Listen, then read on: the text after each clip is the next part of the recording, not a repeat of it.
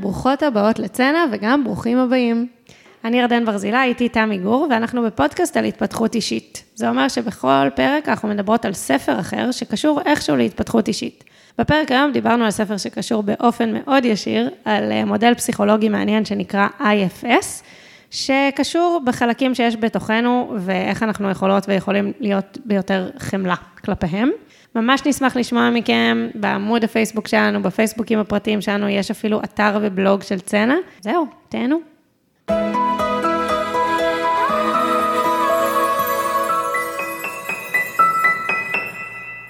היי, תמי. היי, ירדן. טוב, אני עושה הקדמה קצרה, בגלל שאני באמת מתרגשת.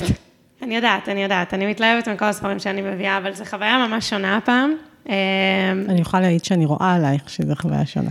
כאילו ממש ברמה שבא לי לשתף את אה, מי שמקשיבות, מקשיבים לנו, שאני בלחץ. אני לחוצה ברמה ש... ש... כאילו, אני... מה שמלחיץ אותי לקראת ההקלטה זה שאני לא אצליח להעביר מספיק טוב את העוצמה של הדבר המדהים הזה שנחשפתי אליו עכשיו. אמ, אבל בסדר, אני אנשום ונתחיל. ננסה. אם יהיה לי איך לעזור, אני אעזור.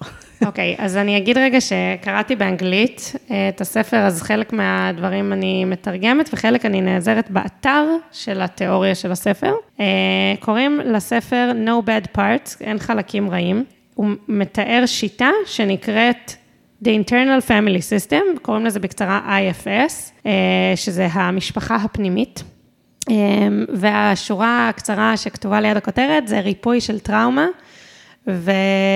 והחזרה של, אה, קוראים לזה הולנס, אבל לא יודעת, אולי הרמוניה, שלמות, אה, אנחנו נחשוב. אני לא עוזרת, כי אני משערת שכשאני אבין את ההקשר, יהיה לי יותר קל לחפש את המילה. אוקיי, אז ככה, קודם כל, ה-IFS התיאוריה, היא, היא, יש לה שני היבטים. יש את המודל, שהוא כאילו ההסבר התיאורטי, ויש את השיטות של העבודה איתו, את הטיפול, את הפרקטיקה של זה. אבל אני כן חושבת שיש שם איזושהי שורה קטנה בספר, ו- ואולי זה כתוב בעוד מקומות, אבל אני קצת חושבת שאפשר לראות בדבר הזה כמו גישה פרקטית לחמלה.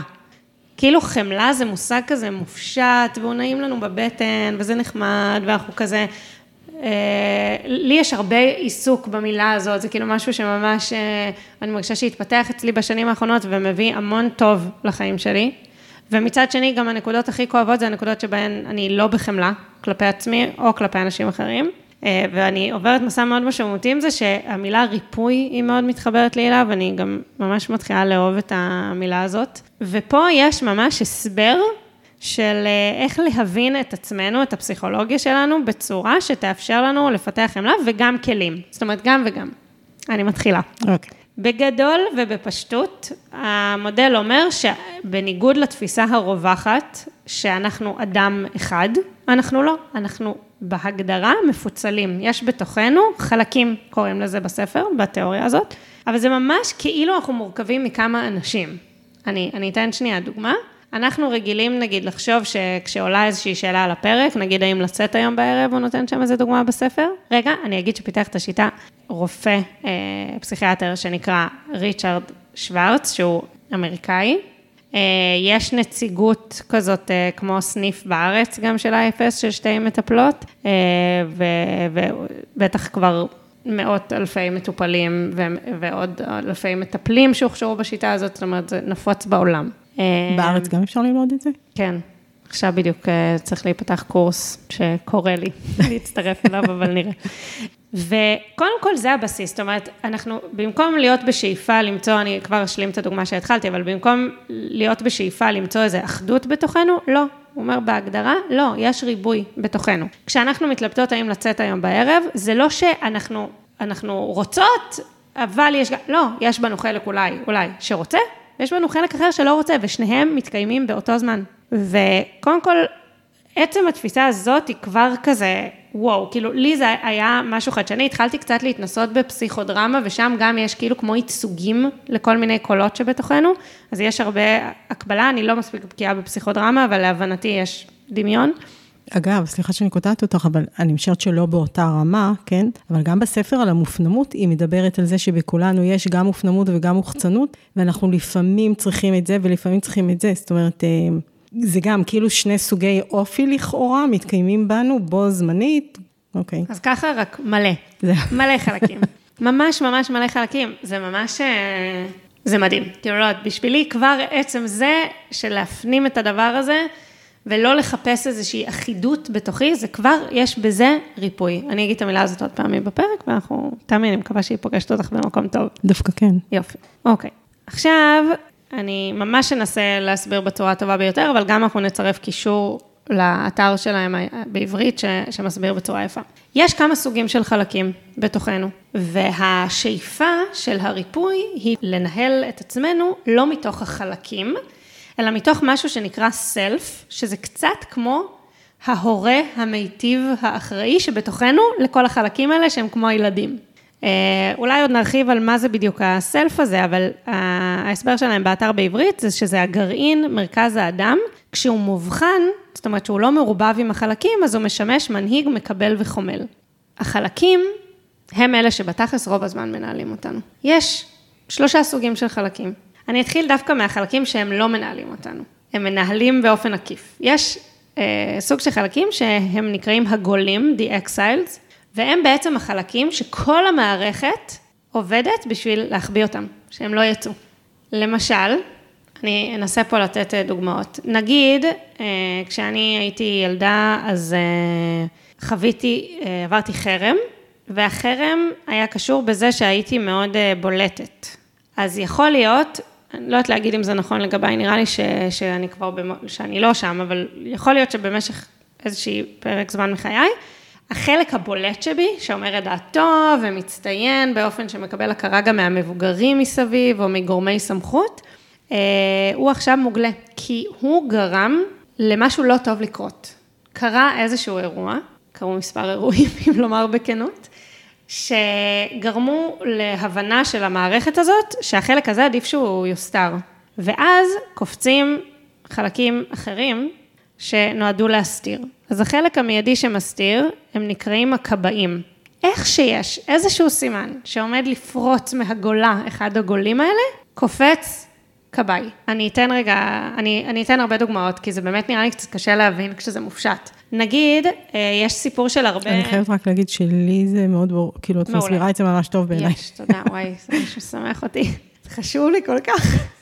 אוקיי, שנגיד אצל הרבה בנים, לא אצל כולם כמובן וזה, אבל יש איזשהו חלק מאצ'ואי כזה, שהוא אה, הרבה פעמים כבאי, שנועד להגן על איזשהו חלק גולה שהוא מפגין רגשות וחלש יותר ורגיש יותר, ששילם מתישהו מחיר כבד על להיות הדבר הזה. או נגיד כל מיני אנשים שהם כאילו חריגים מבחינה חברתית, שנגיד, לא יודעת, חנוני מאוד, או לא יודעת, כל מיני כותרות כאלה, ששילמו מחיר על הדבר הזה, אז עכשיו החלק הזה מוגלה, ואז נגיד, אני אה, אבוא לגבר שעבר אה, איזשהו משהו כזה, או לאישה, לא משנה, ש, שזה המוגלה שלה וזה ה...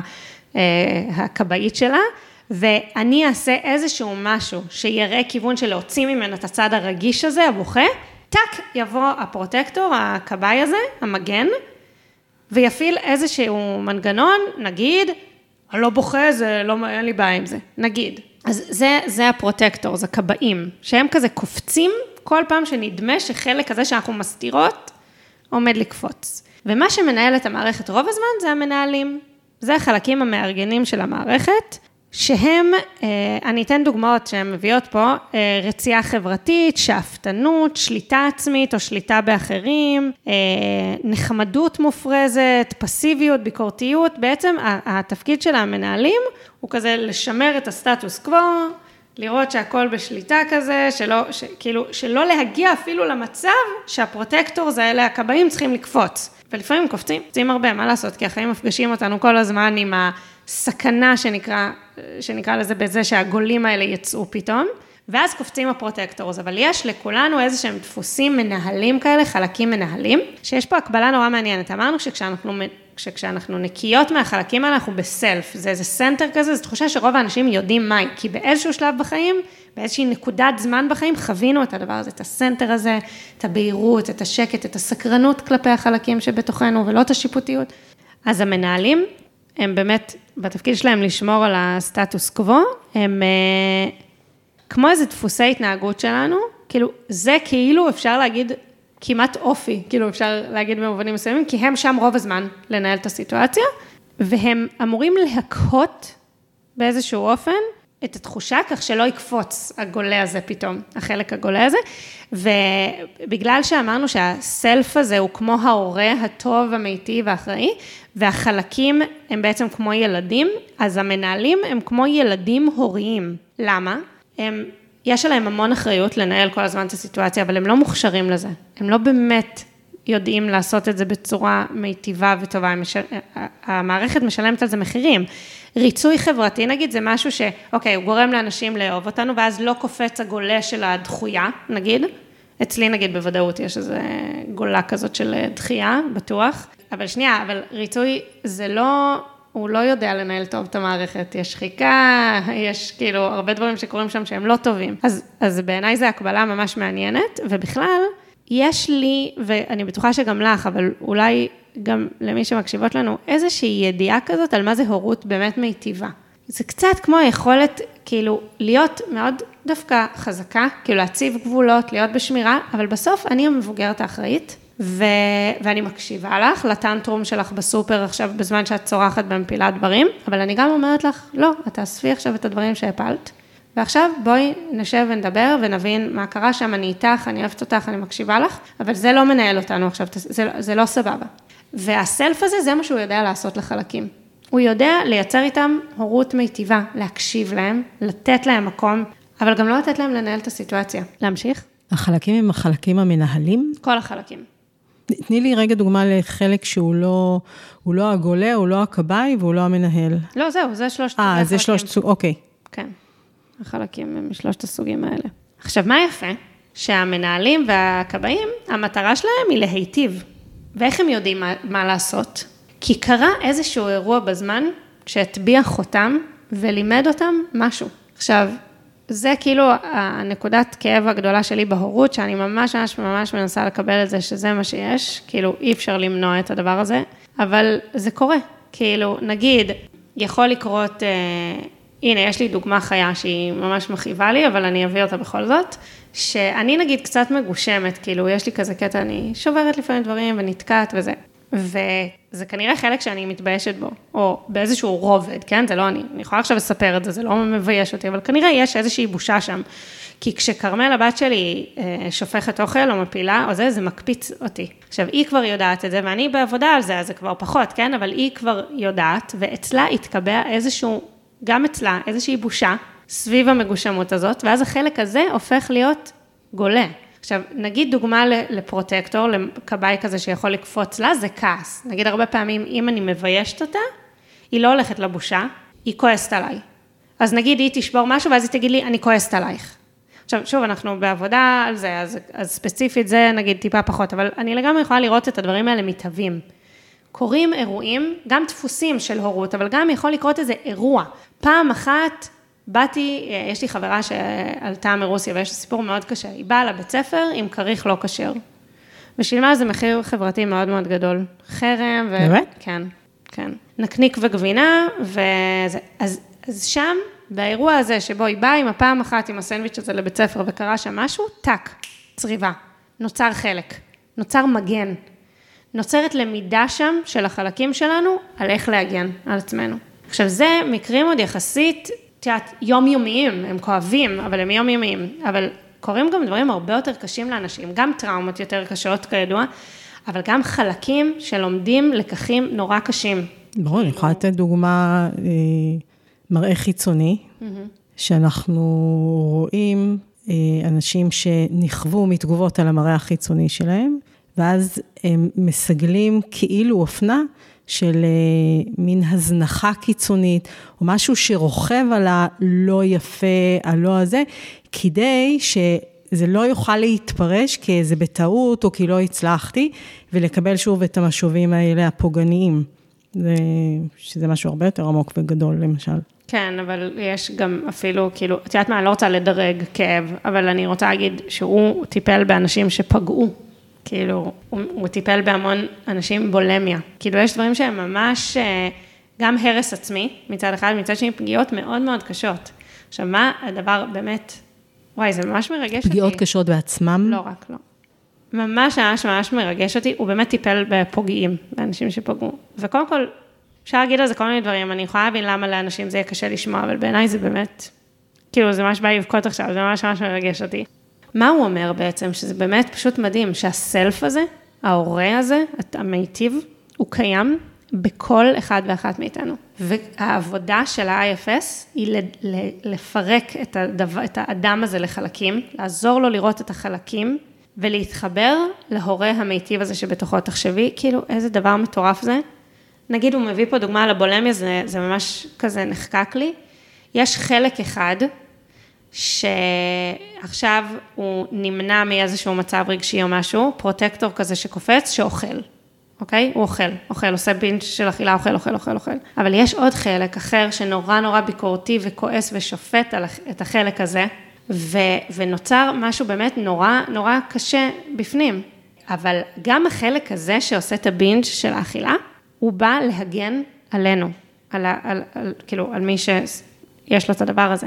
ואז הטיפול הוא בעצם לבודד את החלקים האלה ולייצר אינטראקציה איתם, כמו ממש דיאלוג פנימי, זה מטורף, תקשיבי, אני, אני חוויתי את זה, זה כאילו, זה דבר מדהים, ממש לדבר עם כל חלק בנפרד, והרבה פעמים הוא אומר, החלקים האלה, הם לא יודעים שאנחנו כבר אנשים מבוגרים, הם תקועים בנקודת הזמן שבה נוצר הדפוס הזה, שבה הם נוצרו, והם לא סומכים שיהיה מבוגר אחראי שידע לנהל את הסיטואציה פנימי.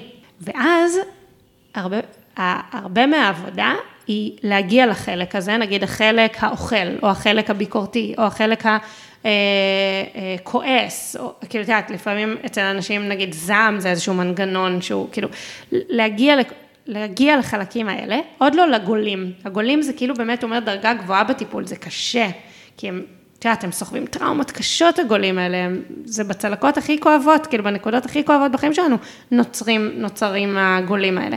אבל ה protectors, אפשר רגע לדבר איתם. ולשאול אותם, א', הוא אומר להבהיר שאנחנו מבוגרים, אז הוא אומר לשאול, בני כמה אתם חושבים שאנחנו? אומר, הרבה פעמים החלקים האלה חושבים שאנחנו עוד הילדה הזאת שעשו עליה חרם.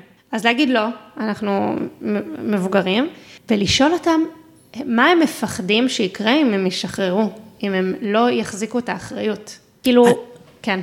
בגלל שאני יודעת שאת כל כך מתלהבת, ובגלל שאני יודעת שאת מכירה כבר המון שיטות ותיאוריות, ואני מנסה להבין מה הייחוד, כי כרגע, סבבה, על הכחשות והדחקות אה, ודיבור פנימי וניהול רגשות, זה דברים שקיימים בפסיכולוגיה כבר הרבה זמן ומדברים אותם. השאלה הזו של מה אתה מפחד שיקרה וזה, זה דברים שקיימים. ואני משערת שאת מכירה אותם. ולכן אני אומרת, תנסי רגע להגיד לי, מה, מה ב, ב... כי כנראה בכל זאת יש משהו בחיבור שהוא עושה אולי, או ב... שהוא שונה בשבילך. אוקיי, okay, אז קודם כל, כן, השאלה הזאת, אה, זה היה הפחד שלי. לוואי ואני אצליח להסביר, וגם האמת, אולי את יודעת מה, אולי אני אשחרר רגע לחץ ואני אגיד, אוקיי, לא משנה, גם אם יש עוד כאלה, ולי זו, זה היה כאילו הדבר שפגש אותי, אז בסדר, אבל אני אגיד ככה. אחד, יש משהו ב, בסיפור של הריבוי, כאילו, בהבנה שאנחנו ריבוי, אמיתי ריבוי, זה לא, הוא אומר, נגיד, על אנשים עם כל מיני הפרעות אה, פסיכיאטריות וכל מיני דברים כאלה, כן, יש בהם חלק שמגן עליהם, שהוא עכשיו עושה את הדבר הזה. ואפשר לדבר איתו. תחשבי, זה דבר מטורף, זה, זה לא הבן אדם צבוע עכשיו, זה לא אנחנו חולים, או אנחנו דפוקים, או אני אובססיבית, לא, לא, יש בי חלק אובססיבי, בגלל שהוא מגן עליי.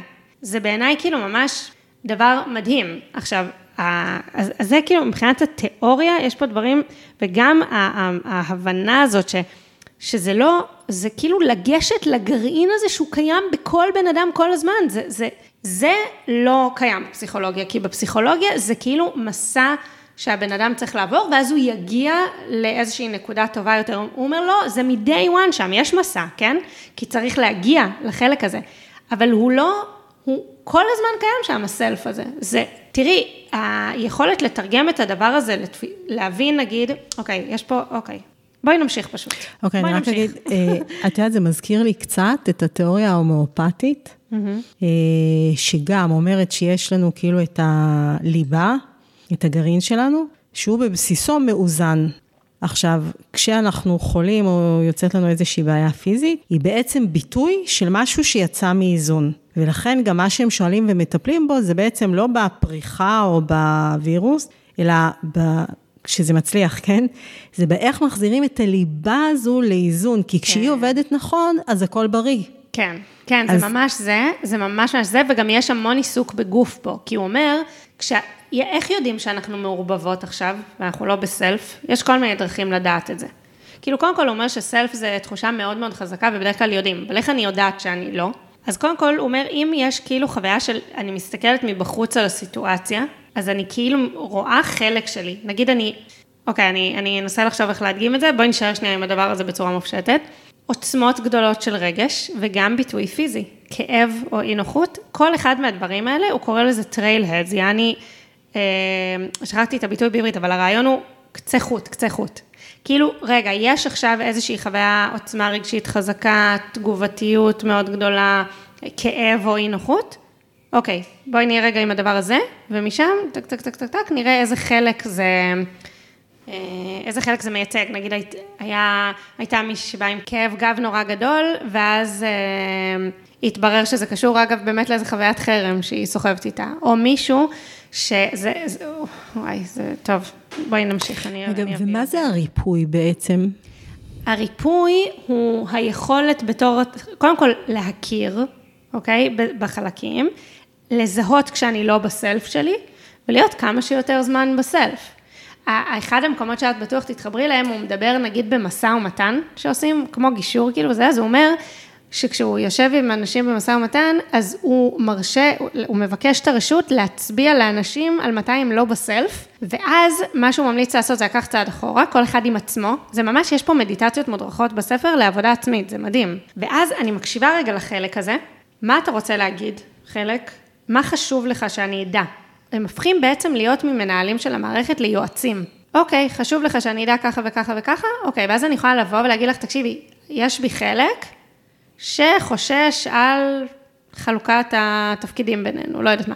זה לא כולי, אבל יש בי את החלק הזה והוא חזק, ואני רוצה להביא אותו, אני רוצה לייצג אותו בצורה נאמנה.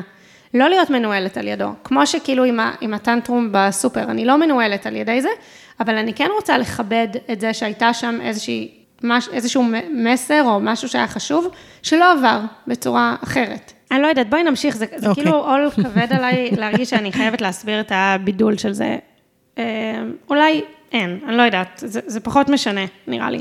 אה, אחד מהדברים ש...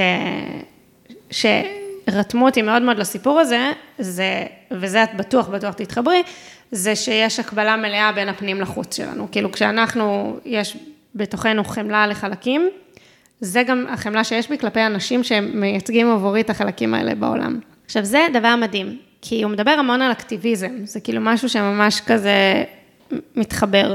והיה לנו הרבה שיחות על זה, נכון. על אקטיביזם מתוך סלף. הוא אומר, יש בי חלק כועס, אוקיי, סבבה, בוא נקשיב לו, אבל כשהוא מנהל עכשיו את המאבק שלי, לא טוב.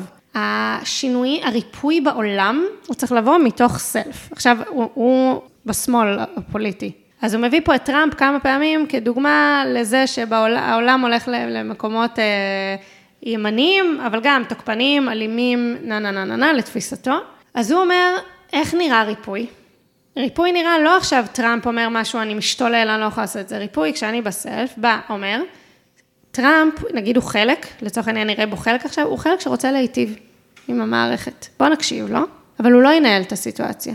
כי בין, המנהיגות שלנו היא צריכה להיות סלף. אין לנו כמעט כזאת, זה קשה, אבל אה, במקביל כל הזמן צריכה להיות עבודה פנימית וחיצונית.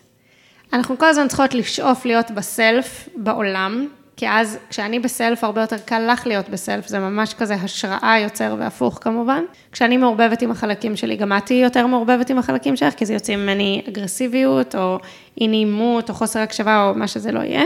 ובמקביל, גם עבודה פנימית. כאילו, על עצמי. אני מפתחת חמלה על החלקים השונים שבתוכי, אני מקשיבה להם, אני מכבדת אותם, ואז אני יכולה לעשות אותו דבר החוצה. אני מנסה להבין מה זה, מה זה אומר אותו דבר החוצה. זה אומר שנגיד, הנה, יש לי דוגמה ממש קלאסית לזה, אוקיי? אין לי, אני לא יודעת להסביר אותה עדיין, אז דווקא, אני, אני אעשה טיפול פה אה, לעצמי תוך כדי. לי יש איזו נקודה עם, אה, נראה לי הבאתי את זה באחד הפרקים, קושי שכשהילדים שלי בחוסר אונים. כאילו כשהם כזה, אה", ולא מסבירים מה הם רוצים ולא אומרים איך לעזור להם, מקפיץ אותי. לי כנראה יש איזשהו חלק אה, גולה שקשור בחוסר אונים, כאילו איזשהו מקום שמסרב להיות ב... אני לא יודעת ואני לא יודעת מה יעזור לי ואין לי מושג מה לעשות, חוסר אונים כזה. אם אני, יש לי את העבודה הזאת לעשות אותה במקביל. הילדים הם כאילו טריגר, הם מקפיצים את ה protector שלי, שבמקרה הזה הוא כעס, וניסיון שליטה. כאילו, כזה, אוקיי, זה, לך, תלבש פיג'מה ותגיד לי מה אתה רוצה עכשיו, תפסיק לייבב סתם, אל תתבכיין. אבל במקביל אני יכולה גם להסתכל רגע פנימה ולהגיד, אוקיי, בוא נדבר רגע עם הפרוטקטור הזה של השליטה, של הכעס, ואולי עם הזמן אני אצליח להגיע גם לחלק הגולה של החוסר אונים. מתי הבנתי ש... שהוא צריך לגלות, שזה דבר שצריך להסתיר אותו, החוסר אונים הזה, ו... והעבודה היא קורית במקביל, זה, זה הכוונה של הפנים החוצה. כשלי יהיה יותר חמלה לחלק הזה שבי של החוסר אונים, יהיה בי גם יותר חמלה לילדים שלי כשהם בחוסר אונים ולאנשים בחוץ. בכלל, אני רואה שלהרבה אנשים יש את הטריגר הזה, כאילו הרבה אנשים מקפיץ אותם, קוטריות, התבכיינות, חוסר אונים, זה, זה להמון מאיתנו, יש את זה. נכון. וזה נגיד משהו שבאמת, אני הרבה מתבוננת בו, כי זה תמיד, אה, כאילו, זה נורא מפעיל, אבל זה גם קל נורא לראות על אנשים אחרים מה מפעיל אותם, וזה קל נורא לראות אצל אחרים כשהם מתבכיינים. כאילו, זה, זה מאפשר הרבה, אחד מהדברים שאני, שאני אוהבת בשיטה הזאת, אבל זה אולי באמת נכון בהרבה שיטות, זה שכל דבר הוא שיעור, נכון? כאילו, כל דבר הוא יכול להיות trailhead כזה, קצה חוט, למשהו לטריגר, או למה שמקפיץ אותי, או למשהו שזה, שאני יכולה עכשיו להתבונן בהם. אז הסיפור הזה של הבכיינות... אבל הסיפור של הבכיינות יכול לשבת על עוד דברים. א', הוא יושב על ערכים חברתיים. תגידי על זה עוד משהו. מסוגלות, יעילות, אה, להיות עוצמתית, אה, ובכיינות זה מין... אה, ויתור עצמי. כן, ויתור, חולשה, חוסר אה, תועלת, כאילו... הנה, רגע, למרות שכמעט לא דיברת ואני לא מפסיקה לדבר, אני בכל זאת אעצור אותך רגע כדי להגיד שזו דוגמה מעולה לפנים וחוץ. כי כחברה, אנחנו גם מביישים את החלקים האלה. אנחנו מביישים את אלה שהם לא בתעוזה, על הבמה, פרוטים קדימה, אנחנו מביישים אנשים שנזקקים, שמבקשים עזרה, שחלשים, אנחנו מביישים אנשים כשהם בסיטואציות האלה, אנחנו דורשים מהם להיות ב-on, לתפוס את האחריות על החיים שלהם, להתאפס על עצמם, להתקדם. זה בדיוק, זה בדיוק מה שאמרת, זה בדיוק, זה אוקיי. הסיפור. Okay. זה ה-internal family system זה לא internal, יש את המערכות האלה בתוכי, במשפחה שלי ובחברה כולה. למה זה family system? מה family? כי זה כמו family? טיפול משפחתי פנימי. הוא התחיל מטיפול משפחתי, ואז הוא אה. הבין שוואו, זה ממש, יש בתוכנו משפחה. כי אני ההורה והילד. אני, הילדים. הסלף זה ההורה והחלקים זה הילדים. זה הילדים, הבנתי. הוא הגיע לזה באמת מטיפול משפחתי? הוא התחיל מטיפול משפחתי, כן. מעניין. סופר מעניין. אני אשאל רק עוד. כן. כמה הוא מדבר על אה, כאילו לרפא את ה... כי אם אני מבינה נכון, בעצם הריפוי הוא לקבל את הריבוי, וגם אה, בעצם לקבל חזרה או לבטל כאילו חלק מהגולים, שהם כבר לא היו גולים שמאיימים עליי ואז הכבאים, שומרי הסף קמים, אלא הם יכולים להיכנס ואני יכולה להתמודד עם זה, הסלף שלי ינהל אותם, נכון? כן. כמה... אה, כאילו, כמה זה פוגש גם את הנושא של אה, חלקים שנניח אני אולי פחות אוהבת, אולי אפילו אל מול נורמות חברתיות, או כאילו קבלה או חמלה עצמית, אל מול זה שהריבוי שלי הוא לא תמיד מה שהייתי רוצה. אבל זה בדיוק העניין, זה מה שמדהים בזה. כמה כבוד יש לכל חלק. כאילו, אם מש, מקבלים את התיאוריה הזאת, ואני כאילו כרגע מאמצת אותה כמעט באופן מלא, גם החלקים בך שאת פחות אוהבת, הם נועדו להיטיב. עכשיו, את יכולה לדבר איתם. אני אתן לך רגע דוגמה, זו, אני מסתכנת פה להישמע כאילו קצת ווירדו, כזאת זה, אבל אני אביא את זה בכל זאת. תגידי לי אם זה מתחבר. אוקיי. Okay. אמ, הייתה איזושהי סיטואציה, הייתי בריטריט והייתה התבודדות, היה לילה, ופחדתי. ודיברתי עם הפחד. אני ממש מקווה שזה פוגש את מי שמקשיבים לנו ב, בלב פתוח, כי זה היה מדהים. זה היה... רגע, אני אעיד שהיא לא ווירדו.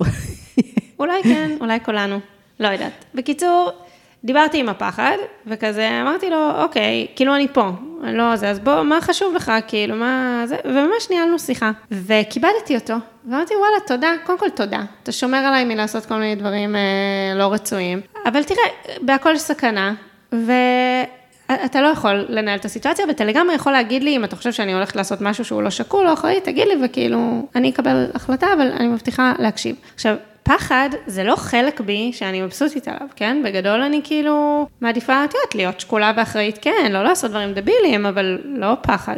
עכשיו, נכון שכאילו פחד זה אולי לא פוגש נורמות חברתיות, לא מביישים אותי על זה שאני מפחדת, לא יודעת, תלוי במה, אבל, אבל זה לא חלק בי שאני שמחה בו. אבל וואלה, את יודעת מה? הנה, אני לומדת לכבד אותו. עצב, זה חלק שכאילו, או לא יודעת, עצב זה, זה רגש, אבל כאילו חלקים בי שנגיד עצובים. זה חלקים שהרבה זמן אני לא רציתי אותם, אני ביישתי אותם. אני אמרתי, רגע, הפי הפי, ג'וי ג'וי, הכל טוב. יש המון כבוד לחלקים האלה, וה, והנחה שהם באמת באים להיטיב. זה לא אומר שהם מספיק בוגרים או יכולים לנהל את הסיטואציה, אבל כן, המון מהעבודה היא על, היא על קבלה והקשבה לחלקים האלה, ומצד שני, לא להיות מנוהלת על ידם. זה עונה למה ששאלת. שאלת על החלקים ש... שאת לא מבסוטית עליהם. כאילו, איך זה מתחבר לזה. כן, זה עונה, כי אם אני מבינה נכון, זה בעצם, א', לקבל שגם החלקים האלה, הם משרתים אותנו במשהו. כן. אגב, במשהו שאולי לא רלוונטי כבר. יכול להיות שכבר לא צריך אותם, הם עושים עבודה שהייתה רלוונטית לגיל 20 או לגיל 12 או לגיל 4. לא, צריך אותם, הם פשוט אל מול טריגרים מסוימים לא עובדים נכון. אז יש פה חלק... כאילו אל מול הגולים הם לא עובדים נכון תמ... לפעמים. יש פה חלק שלא... כן. סליחה, זהו, יש, לא, יש פה חלק שלא הבאתי, ש... אבל הוא חשוב רגע, אני... אוקיי. Okay. לא נורא, יצא פרק קצת יותר ארוך. מה הוא בעצם אומר? הוא אומר שהחלקים האלה הם סוחבים עול. עול של איזשהו אירוע, מצ... הם סוחבים עליהם עול כבד. ואז הם נדחקים לתפקיד שזה לא מה שהם רצו. למשל, ניקח רגע בן אדם, נגיד במקרה קצה, ילדים, אה, לא יודעת, שגדלו בנסיבות חיים מאוד קשות, בבית יתומים נגיד, אוקיי?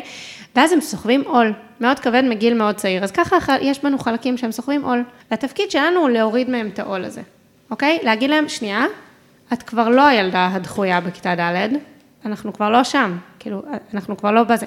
ואז יכול להיות שהחלק הזה, הוא יסיים את תפקידו, והוא יתפנה לדברים אחרים, וזה נורא יפה, הוא אומר ממש לנהל שיחה עם החלקים ולשאול אותם, אוקיי, עכשיו כשאתה פנוי מלגרום לי אה, לרעוד מפחד כל פעם שאני עולה על מטוס, לא יודעת מה, אז מה אתה רוצה לעשות? יש משהו אחר שאתה רוצה זהו, לעשות? זהו, הוא לא נעלם, הוא פשוט מתפנה, זה כאילו לדייק אותו במשימות שלו. החלק שם הוא חשוב, אם אני מבינה נכון, כל החלקים חשובים לנו, פשוט לפעמים הם עוסקים במשימות שאו לא מיטיבות איתנו, או הן עוד מגיבות למשהו מעבר במקום להגיב לכאן ועכשיו. כן. שאני כן רוצה רגע לנסות לעשות, כאילו גם לגבי זה שאת ווירדית, לנסות לעשות תרגום, כי את תיארת את זה כאיזשהו דיאלוג שלך עם הפחד, ואז זה עשוי להישמע מאוד אה, רוחני או משהו, אבל למעשה, זה משהו שאנחנו עושים אותו גם מאוד מאוד ענייני ופרקטי של שנייה. מה מפחיד אותך? מה את חושבת שקורה? מה היתרונות? מה החסרונות? מה הכלים שיש לך? כאילו, בעצם היה אפשר לקחת ולתרגם את זה למשהו שהוא בשפה אחרת, הוא מאוד ענייני בעיניי. והוא... זה והוא... היה מאוד ענייני, דרך אגב. כן, לכן את הצגת. את זה כאילו, אני עם הפחד שלי, אז זה, אבל... זה שונה, זה, זה משהו שהוא, כן, הוא אה, תרבותית, הוא אומר, גם כל התיאוריות הפסיכולוגיות, לא כל, אני לא רוצה להגיד כל, אבל הפסיכולוגיה המרכזית, כן, היא, היא תפיסה של mono-mind, זה נקרא של, כאילו, ראש של מוח אחד, או כאילו אדם אחד. ולא, יש ריבוי, ואז זה אגב, תחשבי איך זה משנה את התפיסה על אנשים שיש להם פיצול אישיות, ריבוי אישיויות, פתאום את אומרת, וואו, קודם כל איזה חוכמה יש בדבר הזה, ו, וכאילו, וואו, רגע, בכולנו יש את זה, כאילו, לכולנו יש ריבוי, והיכולת להיות מסוגלת להקשיב לכל חלק ולמה שיש לו להגיד, תשמעי, זה, זה, אני אומרת לך, אני מתרגלת את זה, זה... זה מאוד מאוד לזהות מה מפעיל אותנו. אני רוצה גם לשאול, אה, כאילו את מדברת על עבר רחוק, אבל כשהבאת עכשיו את הדוגמה, אז עלה לי למשל הרבה פעמים בזוגות, אה, אנחנו רואים, וסליחה שאני קצת סטריאוטיפית, אבל זה מה שאנחנו רואים יותר, שהאישה היא יותר, אה, אני אקרא לזה רגע זהירה ומגוננת, בסדר? על הילדים נגיד? כן. אוקיי. Okay. והגבר יותר לוקח בקלות. גברים הרבה פעמים צוחקים שכשהם ילכו לבד עם חברים עם הילדים לסוף שבוע בכנרת, אז אה, לא יתרחצו ולא בדיוק יהיה התזונה ולא בדיוק זה ולא ישגיחו ככה ולא ישגיחו ככה. עכשיו, אחד הדברים שאנחנו רואים, זה שלפעמים שני הצדדים הולכים ומקצינים בתגובה. לצד השני. שזה קצת דומה לחלקים. במובן של אני שומרת על הילדים, עכשיו אם בן הזוג שלי לא מאוד שומר לתפיסתי, אז אני הולכת ומקצינה, כי אני מרגישה שהעול הוא לגמרי עליי, ואני יותר ויותר נהיית ואני סוחבת איזשהו אותי. זה גם לכאלה מצבים? זה, רגע, זה מה שהוביל אותו להבין את הדבר הזה, כי גם בקונסטלציה של משפחה, יש את הדבר הזה. ובאמת, אחד מהדברים שאומרים הרי זה לשחרר מה, את העול, את העול מאנשים, את העול הזה, לשחרר אותם ממנו. כאילו שהם לא יסחבו אותו לבד, ושיהיה איזה מבוגר אחראי לצורך העניין. אני לא זוכרת אם דיברנו פה בפודקאסט, אבל לך ולי יצא לדבר על הסיפור הכלכלי נגיד, על חלוקת העול הכלכלי. נכון. אז כן, כאילו אם אני אצליח לייצר אצל נדב גם בפרקטיקה, וגם הרגשה, גם וגם, שהוא לא סוחב לבד את העול הכלכלי, אז זה ישחרר אותו פתאום, לגמרי. כן, לדברים כאילו טובים אחרים, שהוא לא פנוי אליהם כי הוא סוחב את העול הזה.